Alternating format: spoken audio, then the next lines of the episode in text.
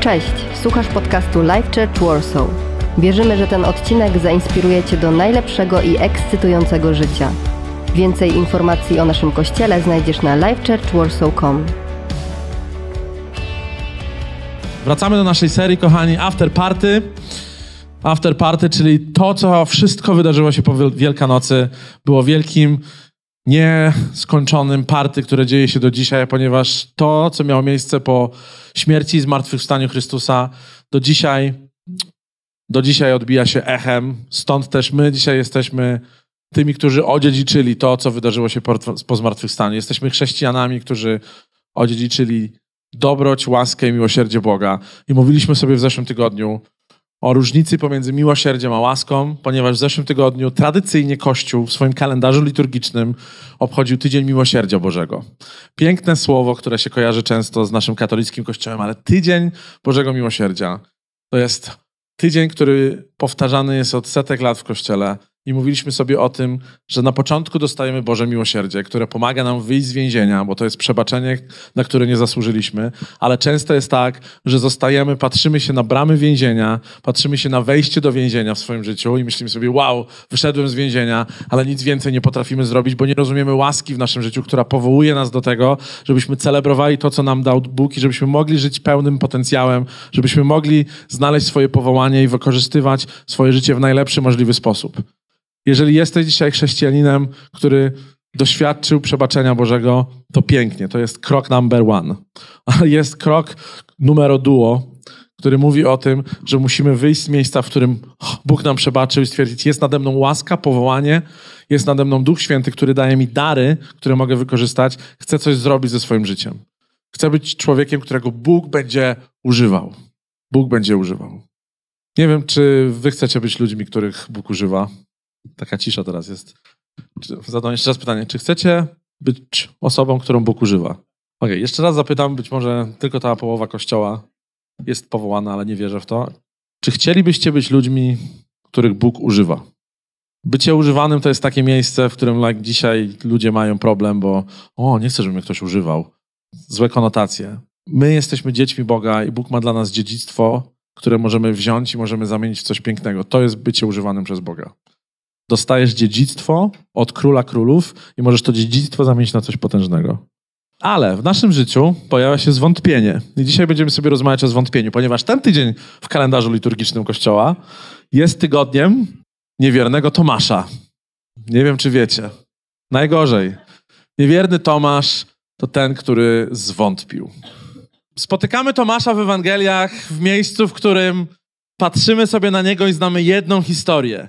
Tomasz nie uwierzył, że Jezus zmartwychwstał i był w miejscu, w którym powiedział: Potrzebuję dowodu. I tak ludzie kojarzą Tomasza. Ale chcę powiedzieć, Tomasz był o wiele gorszym wątpicielem niż nam się tylko wydaje, bo myślimy sobie, ta historia niewiernego Tomasza to jest już takie klisze w chrześcijańskim świecie, nawet wyszło poza nasz chrześcijański świat.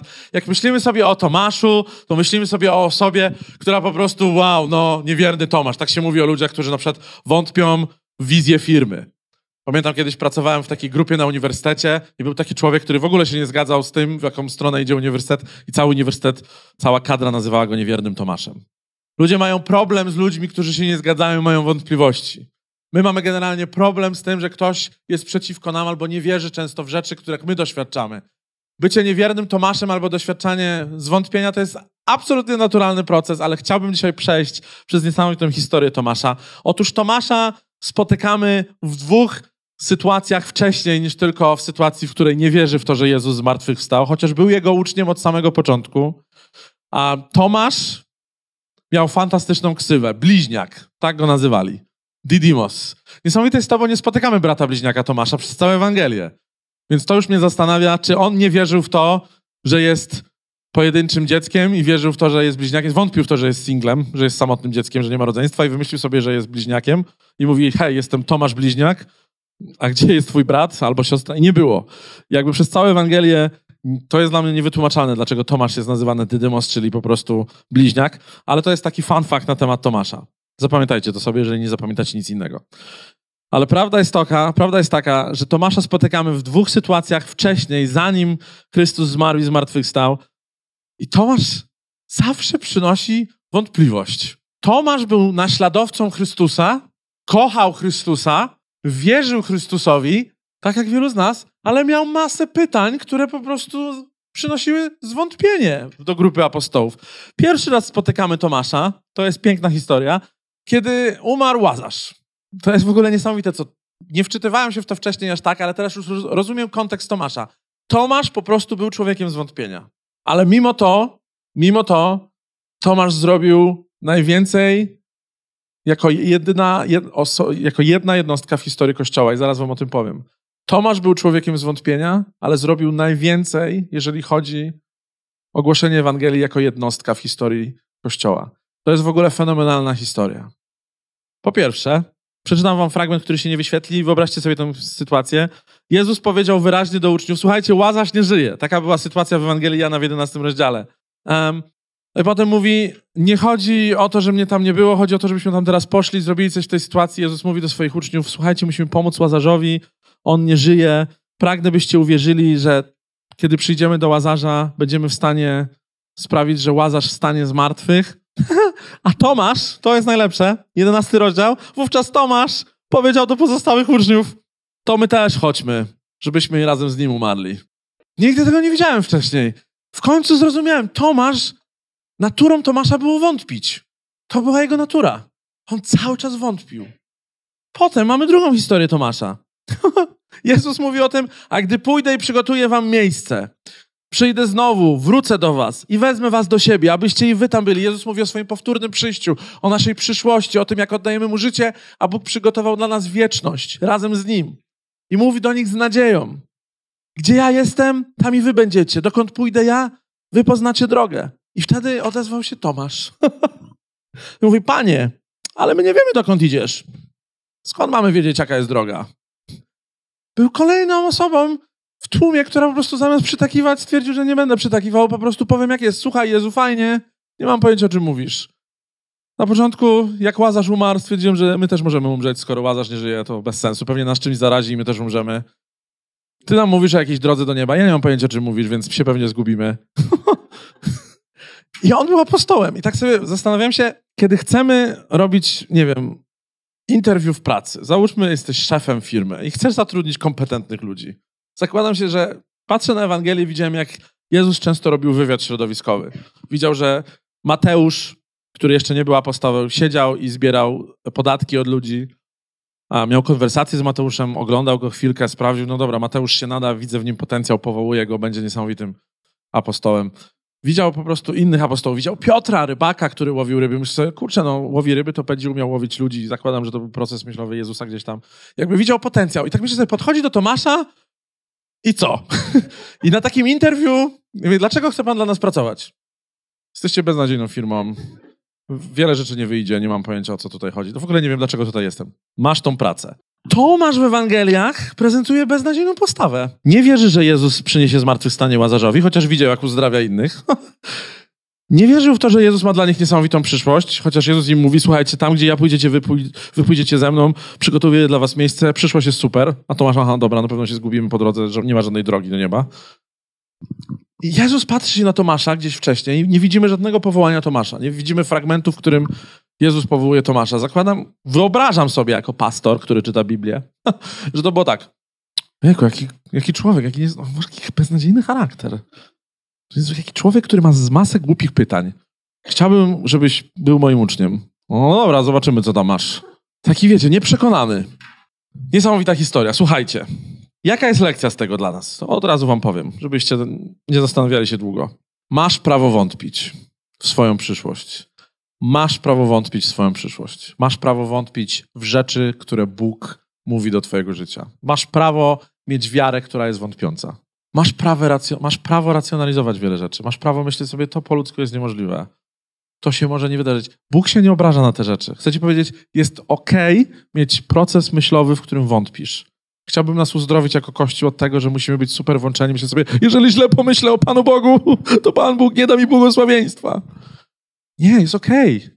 Jest okej okay wątpić. Jest okej okay być w miejscu, w którym Bóg nie jest w stanie udowodnić ci rzeczy od razu. Jest okej mieć pytania do Boga na temat swojej przyszłości, swojego życia. Jest okej być w miejscu zwątpienia na temat wielu, wielu rzeczy. Wczoraj mieliśmy piękny event zorganizowany przez nasz Team Love Does i przez cudowny team Never Alone Widows. Służbę, która zajmuje się kobietami, które straciły swoich mężów. I myślę sobie, że chciałem podziękować Rachel, Rebece, całemu teamowi, który przyjechał.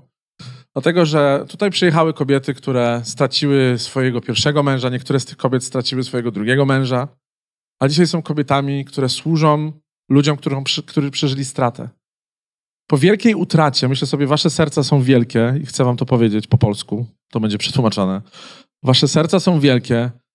Ja myślę sobie, strata najbliższej osoby, strata męża, strata kogoś, kto nas kocha i jest z nami, powoduje masę wątpliwości. A jednak patrzę sobie na osoby dzisiaj, które przepłynęły w powietrzu ocean, przybyły tutaj ze swoich środków, stwierdzili, że spędzą trzy dni w Polsce i usłużą kobietom, które przeżyły stratę, wdowom wojennym z Ukrainy, zrobią dla nich event i zasieją nadzieję.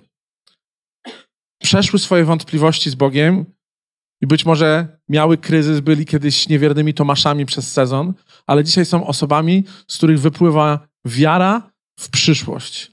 Nadzieja dla ludzi, którzy osiągnęli ogromną stratę. Ja nie wyobrażam sobie stracić swoją żonę, nie wyobrażam sobie stracić swoją córkę, nie wyobrażam sobie stracić kogokolwiek bliskiego, bo takie miejsca w naszym życiu sprawiają, że zaczynam wątpić w to, o, to mi się przydarzyło, strata, strata jest okropna, wątpię, że cokolwiek mogło tak naprawdę wyjść dobrego od Boga, przecież miałem wszystko i nagle nie mam nic. I just want to say thank you guys for your hearts. Because serving where you are serving in your capacity of loss, and you can turn that loss into a blessing for others, that's like being transformed Thomas, who had a lot of doubts about God's goodness. Because I know you went through that. I myślę sobie, kiedy tracimy coś, zaczynamy być niewiernymi Tomaszami. Kiedy jesteśmy w stanie zobaczyć Jezusa na żywo, już nagle mamy pełnię wiary, jesteśmy w kościele, mieliśmy dobre uwielbienie, piękną modlitwę, popłakaliśmy się, to nagle odzyskujemy energię. Ale kiedy tracimy coś, nagle mamy masę zwątpienia i stwierdzamy, Bóg nie jest dobrym Bogiem. Chciałem przejść przez historię Tomasza, żebyśmy zrozumieli, co się dzieje. Werset, rozdział 20 Ewangeliana. Chciałem, żebyśmy sobie przeczytali tą historię. Otóż zaraz po zmartwychwstaniu Chrystusa, to jest ten kluczowy moment dla Tomasza. Zaraz po zmartwychwstaniu Chrystusa, co się dzieje? Dziesięciu uczniów widzi Jezusa, doświadcza go, Jezus objawia im się w pokoju. Judasz, wiadomo, już nie żyje, powiesił się, ponieważ zdradził Jezusa, a Tomasz jest gdzieś na mieście, bo Tomasz wątpi. Prawdopodobnie poszedł coś zjeść, i myślę sobie, Tomasz nosił całe życie traumę. Tomasz musiał być człowiekiem, który doświadczył wiele bólu, bo od samego początku w tym bólu był negatywny do wszystkiego. Był człowiekiem pesymistą, był człowiekiem, który mówił, jak jest, realnie się pytał, przecież to się nie uda. Jakie rozmnożenie ryb? O czym ty mówisz? Człowieku, tutaj masz parę ryb tylko. Co ty będziesz karmił pięć tysięcy? To ty głupi jesteś? Tomasz musiał być bardzo, zawsze był bardzo wokalny. I czytam w Ewangeliach, że on zawsze mówił to, co myśli, mówił to szczerze. Jezus go bardzo kochał. Jezus stwierdził, to będzie mój apostoł, to będzie jeden z fajniejszych apostołów. Myślisz sobie, twój charakter nie nadaje się na chrześcijański charakter, twój charakter nie nadaje się do tego, żeby Bóg cię powołał do wielkich rzeczy, bo masz masę wątpliwości, bo jesteś racjonalnym realistą? Chcę ci powiedzieć, będziesz używany przez Boga potężnie, kiedy pozwolisz, kiedy pozwolisz sobie uwierzyć w to, że Chrystus jest prawdziwy w twoim życiu i powołuje cię do wielkich rzeczy. Zobaczcie, co się dzieje. Wyobrażam to sobie tak.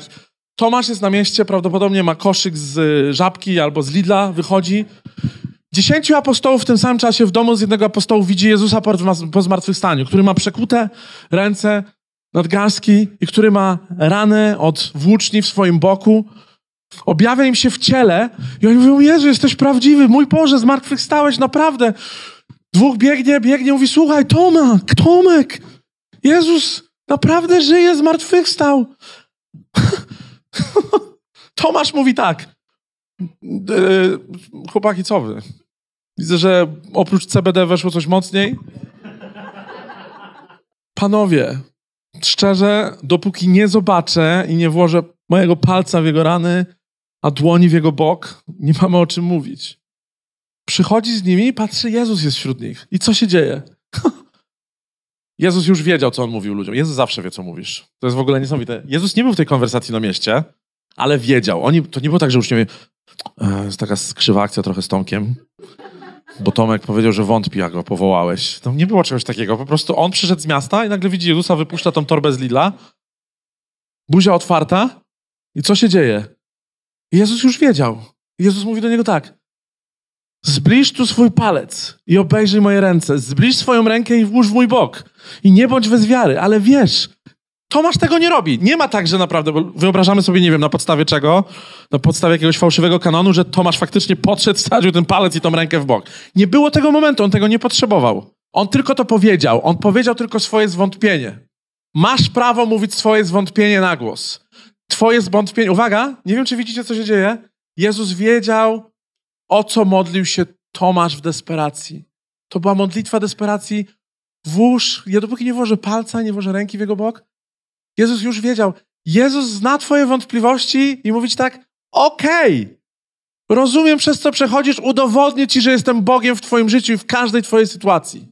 Udowodnię Ci, że jestem realny w Twoim życiu. Udowodnię Ci, że jestem, że wrócę po Ciebie. Udowodnię Ci, że Twoje zwątpienie jest jak najbardziej prawdziwe i masz prawo być wątpiącym chrześcijaninem w różnych sezonach. Nie ma problemu. Możesz mieć modlitwę zwątpienia. Ja mam często takie modlitwy. Boże, ja nie wiem, czy to jest możliwe w ogóle. Pomodlę się i nie muszę być super charyzmatyczny i mówić, tak, panie, wszystko się wydarzy. I confess. Wow! Nie ma tak. Czasami mam modlitwy, na przykład o ten budynek. Myślę, Panie Boże, nie damy rady. Stanąłem tutaj z Davidem, myślę sobie, nie no, nie damy rady. To jest po prostu znowu pieniądze. Chore pieniądze, a my jesteśmy kościołem młodych ludzi, którzy ma mało pieniędzy jeszcze. Jezus mówi, zbliż tu swój palec i obejrzyj moje ręce. Zbliż swoją rękę i włóż mój bok nie bądź bez wiary, ale wiesz. Tomasz wyznał, i to jest uwaga, jedno z najpotężniejszych wyznań, jakie widzimy w całych Ewangeliach. Wcześniej Piotr wyznał, że Jezus jest Mesjaszem. Jakby zrozumiał, że On jest posłany przez Boga. Piotr mówi swoje wyznanie w Cezarei Filipowej i mówi, wierzę, że jesteś Mesjaszem, a Jezus mówi, nie krew i nie ciało ci to objawiły, ale dobry Bóg Ojciec ci to objawił. A Tomasz nagle ma objawienie. Widzi Jezusa, który pokonał śmierć i zmartwychwstał i nagle zrozumiał. Mój Pan i mój Bóg. Wiecie, w historii Kościoła to jest jedno z najpotężniejszych wyznań, bo nie tylko Tomasz widzi, że Jezus jest, Jezus jest Mesjaszem i Jego Panem, ale Tomasz też rozumie, że Jezus jest Bogiem, który pokonał wszystko jest dla Niego, jest po Jego stronie. Moje najgorsze zwątpienie w życiu przyszło w momencie, kiedy próbowaliśmy mieć dzieci. Próbowaliśmy mieć dzieci przez wiele, wiele lat, biologicznie. W pewnym momencie przeżyłem ogromny kryzys, kiedy znowu nie wyszło. I pamiętam, zatrzymałem się na autostradzie gdzieś w połowie drogi, sfrustrowany, bo dostałem wiadomość od Igi. Po sześciu latach modlitwy nadal nic nie wyszło. Po sześciu latach ufania Bogu nadal jesteśmy w tym samym miejscu, w którym byliśmy. Pamiętam, że wyszedłem z samochodu na autostradzie, trzasnąłem drzwi w swoim zwątpieniu zacząłem używać bardzo brzydkich słów przeciwko Bogu, bo byłem człowiekiem, który był zdesperowany i który miał pełno wątpliwości na temat swojej przyszłości jako ojciec, jako rodzice. Powiedziałem Bogu: Mam tego dosyć. Mam tego dosyć. Straciłem wiarę w cuda. Moja żona może, może wam zaświadczyć, że potem mieliśmy wiele rozmów, w których płakałem z frustracji, miałem dosyć Pana Boga. Straciłem poziom mojej wiary, zszedł do zera jeżeli chodzi o kwestię tego, że będę kiedyś ojcem albo rodzicami razem z Igą. Mieliśmy rozmowę pod moim domem, kiedy siedziałem w naszej Toyocie i zapłakałem fotel i byłem sfrustrowany i waliłem. Byłem już pastorem wtedy i mieliśmy fantastyczny kościół. Co z tego? miałem odpowiedzialność duchową nad ludźmi, których prowadzimy, ale miałem też zaciśnięte pięści z bólu i walczyłem i waliłem w kierownicę naszej Toyoty. I mówiłem, nienawidzę Boże tego, że po prostu nic się nie dzieje że wątpię, że po prostu mówię ci, że nie uwierzę, dopóki nie dasz mi dziecka, że jesteś Bogiem cudów. I wiecie co? Bóg jest ok z twoją modlitwą złości. Tomasz był zły. Podejrzewam, że Tomasz musiał mieć fatalne dzieciństwo. Dziecko, które tak racjonalizuje rzeczy, dzisiaj to wiemy z psychologii, dziecko, które tak racjonalizuje rzeczywistość, to jest dziecko, które po prostu musiało przeżyć wiele rzeczy, musiało mieć wiele złamanych obietnic. Ojciec albo matka musieli ciągle nie dotrzymywać obietnic w jego życiu, być może stracił rodziców, być może stracił swojego brata, bliźniaka. Być może doświadczył bólu. Był człowiekiem, który chodził, miał zwątpienie w ludzi, nawet w Boga, który mu czynił cuda wokół. I nie uczynił żadnego cudu w stosunku do Tomasza. Kiedy Jezus mówi, chodźcie, pójdziemy do Łazarza i damy Łazarzowi zmartwychwstanie, Tomasz jako jedyny w Ewangelii daje raport i mówi, dobra, chodźmy z Jezusem, pewnie umrzemy razem z Łazarzem. Cynik. Jak wielu z nas w naszej kulturze jest cynikami? Jesteśmy cyniczni w stosunku do rzeczywistości, którą Bóg nam może zaoferować. Ale prawda jest taka, że Jezus patrzy i mówi: Wybrałem cię, powołałem, I nie boję się twojego cynizmu ani twojego zwątpienia. Nie boję się twojego cynicznego podejścia do życia, twojego bólu, bo wiem, przez co przeszedłeś. Kocham cię, kiedy byłeś małym dzieckiem, kiedy byłeś dorosłym, kiedy doświadczasz trudnych rzeczy, kiedy doświadczasz śmierci, straty, bólu, odrzucenia, kiedy doświadczasz braków. Rozumiem, skąd się biorą twoje słowa zgorzknienia. Ale mimo to kocham cię i powołuję cię i wiem, że będę z tobą. Miej tylko wiarę. Tak jak mówi Jezus. Miej wiarę. Zaufaj mi chociaż przez chwilkę w procesie tego, co się dzieje. Jezus mówi potem kluczowe słowa. E, przez następne trzy godziny będziemy je analizować teraz. Ewangelię i kultura, historia Kościoła nazywa Tomasza zawsze wątpiącym, bo Tomasz był tym, który potrzebował dowodu. Dowodu na to, że Bóg może zrobić coś w życiu. Z jednej strony, tak myślę sobie tak, cały czas Jezus mówił im o swojej śmierci i zmartwychwstaniu. Cały czas to mówił. Słuchajcie, ja umrę i przyjdę. Będę musiał umrzeć, ale zmartwychwstanę. To jest moje ciało. Będziecie to czynić na moją pamiątkę. Aż ponownie przyjdę. I czyni cały czas cuda. Udowadniał cały czas, że jest, że jest Synem Bożym. I Tomasz to widział. I miał wątpliwości. Zranienie musiało być bardzo głębokie. Nie wiem jak wy, my nigdy nie widzieliśmy Jezusa. Teraz przejdę do następnego kroku. Nigdy nie widzieliśmy Jezusa fizycznie. Widzieliście kiedyś Jezusa fizycznie? Nie. 100%, jak jestem pewien. Jakby Gdybyście byli moim losem w Totolotka, wygrałbym 8 miliardów. Nie widzieliście Jezusa. A Tomasz widział. I wątpił. Jezus odpowiada mu po tym fragmencie, który czytaliśmy, następujące słowa. Słuchaj, prawda jest taka, że błogosławiony będzie ten, kto uwierzy, a nie widział.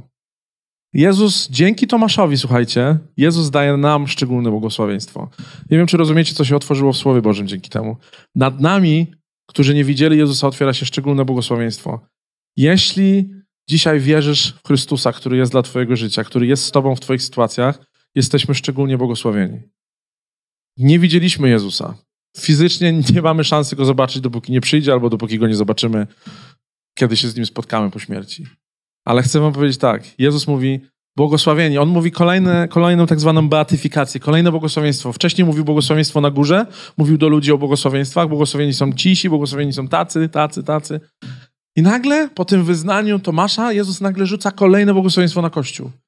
Błogosławieni są ci, którzy nie widzieli, a uwierzyli. Każdy, kto przychodzi do Chrystusa i wyznaje Go Panem i Zbawcą, to jest to, co apostoł Paweł tłumaczył w liście do Rzymian, ma nad sobą błogosławieństwo łaski. Bóg otworzył Twoje oczy. Twoje duchowe oczy, które były zamknięte. Jezus jest realny dla Ciebie, mimo, mimo tego, że czasami nie doświadczasz Jego realnego działania na co dzień. To jest Twoje błogosławieństwo. Możesz z tym żyć, możesz z tym iść i myśleć sobie, muszę coś zrobić z tym błogosławieństwem teraz w swoim życiu. Yo! Co mogę zrobić z tym błogosławieństwem? Mogę mówić innym ludziom. A teraz na sam koniec, zanim zamkniemy, jeszcze potrzebuję pięć minut i poproszę zespół. Jeśli mogę być takim nauczycielem, który wyciągnie trzy lekcje, trzy lekcje z życia Tomasza, to wyciągnę je teraz dla Was, bo to była moja analiza studiowania tego fragmentu i tej historii i tej postaci. Po pierwsze, Tomasz uczy nas tego, żebyśmy uwierzyli, zanim zobaczymy. To jest ok wątpić. To jest ok wątpić, to jest ok czekać na ostatni moment. I myślę sobie, był jeszcze taki jeden moment w Biblii, w którym ludzie musieli najpierw zobaczyć, żeby uwierzyć. I mimo to Bóg dokonał cudu, jednego z większych cudów w historii. To był moment, w którym cały naród izraelski razem z Jozuem musiał przejść na drugą stronę rzeki Jordan. I wcześniej było tak, że Mojżesz walnął kijkiem i rozstąpiło się morze. Tym razem tak nie było. Tym razem uważam, że wiara była o wiele niższa, mimo to Bóg przyszedł z błogosławieństwem. Musieli zanurzyć swoją nogę w Jordanie, żeby dopiero rzeka Jordan się rozstąpiła. Musieli wejść w sytuację, sytuację zwątpienia, czy to na pewno się wydarzy. Musieli powiedzieć Bogu, okej, okay, dobra, wchodzimy dalej w to, zanurzyć swoją nogę i Jordan się rozstąpił. Chcę powiedzieć tak, jeżeli w coś wątpisz dzisiaj, a wiesz, że coś powinno być w twoim życiu realne, jeżeli o coś się modlisz, musisz zrobić pierwszy krok to mogą być słowa powiedzieć, dobrze, potrzebuję jakiegoś planu, potrzebuję jakiejś realizacji, potrzebuję zrobić pierwszy krok i naprawdę zamoczyć swoją nogę albo przynieść z tą ręką, przyjść z tą ręką do rany Jezusa. Może potrzebujesz wykonać jakiś krok, może potrzebujesz wykonać krok finansowy, może potrzebujesz w coś zainwestować, żeby zobaczyć zwrot. Może musisz, nie wierzysz w jakąś relację, ale może możesz pójść na pierwszą randkę i zobaczyć, czy ta relacja nie będzie cudowna. Bo to jest tak, nie, ten chłopak nie jest dla mnie, nie, ta dziewczyna nie jest dla mnie. A skąd wiesz, dopóki nie włożysz swojej ręki w tą ranę. Skąd wiesz, dopóki nie powiesz, dobra, umówię się na tą randkę i spróbuję. Moja żona nie wierzyła, że będzie fantastyczną żoną. Moją. Moją żoną. No właśnie. Mam prawo to powiedzieć, bo jestem na scenie. Dopóki nie poszła ze mną na pierwsze spotkanie. nie wierzyła, że dobrze się całuje, dopóki pierwsza mnie nie pocałowała. Bo ja jej pierwsze nie pocałowałem. To ona była niewiernym Tomaszem tej sytuacji. Ona pocałowała mnie pierwsza. I wtedy zobaczyła Maciek, mój mąż, mój narzeczony. To było wyznanie. Czasami musimy zrobić coś, żeby uwierzyć, że Bóg jest po naszej stronie. Jeżeli wątpisz, zrób krok wiary. Wyłóż na coś pieniądze, zainwestuj w coś. Spotkaj się z kimś, odbądź rozmowę, której nie chcesz, bo myślisz sobie, po tej rozmowie to będzie bez sensu. Nie. Bądź człowiekiem, który zainicjuje cud i powie, dobrze, przyjdę dzisiaj z postawą wiary tego, że coś może się zmienić. Jeżeli ktoś mnie nie chce przeprosić, jeżeli mam konflikt z kimś, może ja będę tą osobą, która przyjdzie i powie, dobrze, porozmawiajmy. Chcę zobaczyć cud, chcę zaufać Bogu, chcę oddać tą sytuację, chcę być osobą, która będzie proaktywna i zobaczy transformację w moim życiu.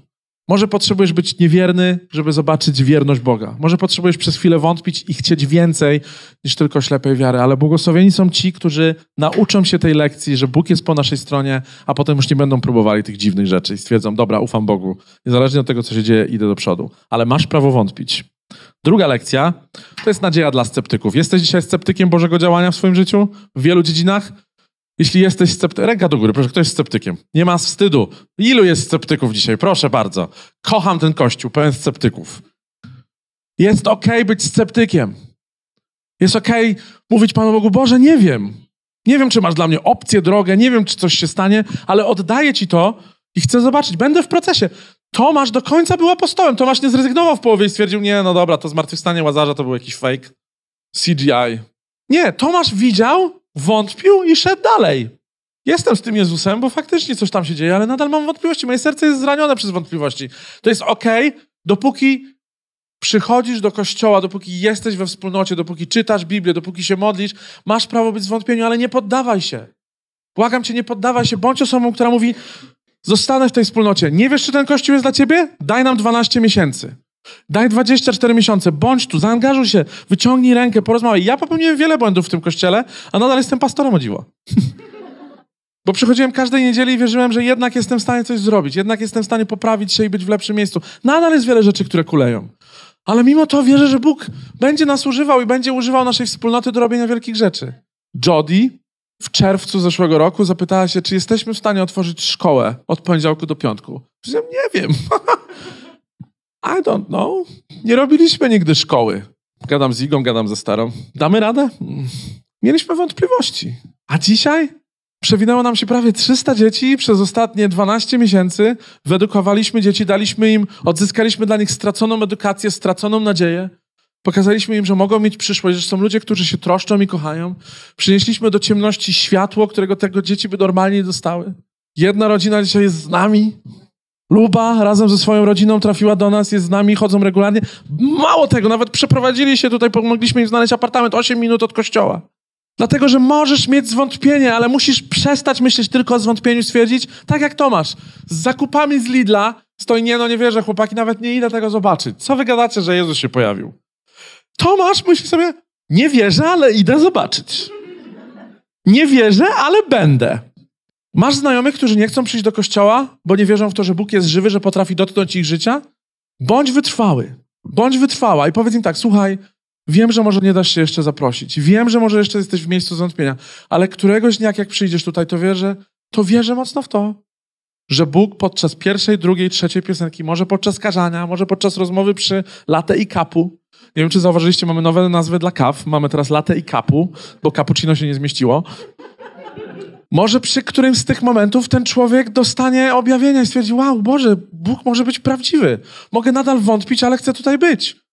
Czy mogę was prosić o to, żebyście zaczęli zapraszać ludzi, nawet jeżeli wątpią, nawet jeżeli nie chcą tutaj być? Super jest mieć podekscytowanych ludzi. Wow, jestem pierwszy raz w ewangelicznym kościele, słyszałem dużo o life'ie, dużo cudów. Wow, ręce w górę, pierwsze spotkanie. Ale większość Polaków, która tutaj przychodzi, no analizuje, analizuje. Niech se analizują. Bóg kocha analizujących wątpicieli. To była lekcja numer dwa. Lekcja numer trzy. Jezus wraca w swoim uświęconym ciele, z ranami. Jezus wraca w takim samym ciele, w jakim umarł, w jakim leżał w grobie, w tym samym ciele zmartwychwstał, tylko w uświęconym. Blizny na jego ciele nie zniknęły. Rany na jego ciele nie zniknęły. To był ten sam Jezus. Rozpoznali go, chociaż ci w drodze do Emaus go na początku nie rozpoznali, bo pewnie byli w szoku, ale uczniowie go rozpoznali. Co tylko przynosi do mnie taką konkluzję, że kiedy zmartwychwstaniemy, zmartwychwstaniesz w swoim ciele. I chciałem Cię prosić o to, bo to jest też apel do mnie samego po wielu latach, żebyśmy byli ludźmi, którzy rozumieją, że jesteśmy świątynią swojego ciała, żebyśmy dbali o swoje ciało. Żebyśmy byli ludźmi, którzy traktują swoje ciało poważnie. Nie żebyśmy byli hipochondrykami w lęku, ale żebyśmy byli ludźmi, którzy mówią: Dziękuję Bogu za swoje ciało, w tym ciele zmartwychwstanę, muszę o nie dbać. Chcę, żeby było zdrowe. I nie chcę go zmieniać, bo moje ciało doświadcza wszystkiego, co będzie kiedyś piękną historią do opowiedzenia. Co oznacza tylko tyle, tak jak jesteś dzisiaj, tak spotkasz się z Chrystusem. Co oznacza, że Bóg cię idealnie stworzył w twoim ciele. Że twoje ciało, twoja twarz, ty sam, twoja tożsamość są niesamowite. Bóg cię chce takim, jakim jesteś i chce cię prowadzić dalej. Chce cię zmieniać i kształtować, ale kocha cię to, jakim cię stworzył. A twoje ciało jest reprezentacją tego, jak cię stworzył. W czasach, w których ciało dla wielu osób jest wszystkim, my wiemy, że nasze ciało jest odbiciem chwały Bożej. Jesteście piękni. Ja generalnie uważam tak, że każdy z nas jest tutaj piękny. Naprawdę. Ja tak mam, myślę sobie, nie ma brzydkich ludzi w tym kościele. Są tylko nieułożone włosy czasami. Ale jesteśmy piękni. Bóg nas powołał i kocha i troszczy się o nas. Możesz wątpić, ale pozwól Bogu działać. Możesz wątpić, ale przyjdź do Chrystusa. Możesz wątpić, ale nie rezygnuj z Niego, nie rezygnuj z Kościoła, nie rezygnuj z ludzi. Nie rezygnuj z ludzi, którzy Cię wkurzają, którzy Cię zawodzą. Oni nie są czasami najlepszą reprezentacją Boga. Ja nie jestem czasami najlepszą reprezentacją serca Chrystusa. Czasami zapominam, czasami wątpię, czasami się gubię w swoim ADHD. Ale dajcie mi szansę, jestem w procesie. Dajcie szansę innym, dajcie sobie szansę nawzajem. Moja żona mi cały czas daje szansę. Od tamtego pocałunku, kiedy wyznała, że jestem jej narzeczonym, jej mężem? Od tamtego momentu, w którym spróbowała i stwierdziła, że dobra, zawiodłem ją wiele razy, prawda? A mimo to jesteśmy razem. Chrystus chce być razem z Tobą. Masz prawo do wątpliwości. Wiecie, co się stało z Tomaszem? Przeczytam Wam. To jest niesamowite. To nie jest tradycja kościoła ani wymysły. Powiem wam, co się stało z Tomaszem. Bo jestem w miejscu zachwytu. Uwaga.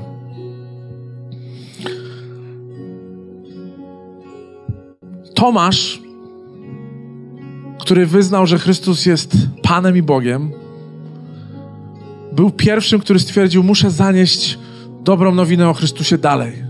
Muszę powiedzieć o Panie i o Bogu Chrystusie, który jest niesamowity. Mimo mojej beznadziejnej przeszłości, mimo mojego zwątpienia, muszę zrobić coś, bo Bóg mnie uzdrowił z mojego zwątpienia. Byłem sceptykiem, nadal pewnie będę sceptykiem, nadal pewnie będę cynikiem, ale chcę, żeby ludzie wiedzieli o Chrystusie.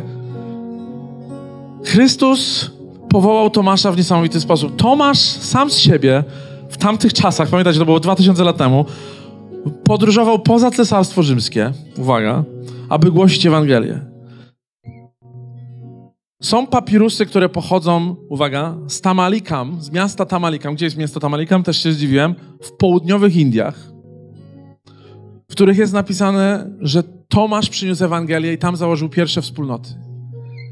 Tomasz, który wątpił, stwierdził, kurczę, chyba ruszę w drogę.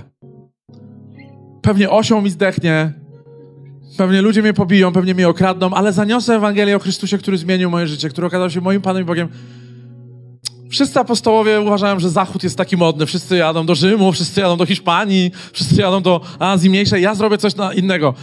Cynik zawsze robi na odwrót, ale cynik jest używany przez Boga. Idę na wschód. Być może tam są też ludzie, którzy potrzebują usłyszeć o Bogu, który ich kocha. Tomasz, uwaga, dotarł aż do Indii, tak mówi historia, ale nie legenda, tylko historia, która to potwierdza. Tomar dotarł, do, dotarł aż do Indii. W 52 roku zbudował wspólnotę w Kerali w Indiach. Kerala to jest bardzo duże miasto indyjskie. I uwaga, w 1258 roku, czyli 1150 lat po tym, jak Tomasz tam dotarł, znaleziono kościół, w którym znaleziono ciało Tomasza opisane z papirusem, zabalsamowane Uwaga, Tomasza Apostoła. To jest niesamowite. Ale mało tego. Do dzisiaj 3 lipca w Indiach, uwaga, w Indiach, które są pogańskie. 3 lipca jest świętem świętego Tomasza. Ponieważ, uwaga, istnieje coś takiego jak Kościół świętego Tomasza, który istnieje tylko na południu Indii. Zgadnijcie, ile ma członków. 17 milionów chrześcijan w południowych Indiach, w ponad 1500 wspólnotach rozsianych po południowych Indiach. Uważają Tomasza za człowieka, który był pierwszy, który przyniósł Ewangelię i opowiedział im o Chrystusie. Kościoły na Bliskim Wschodzie, uwaga, to nie koniec.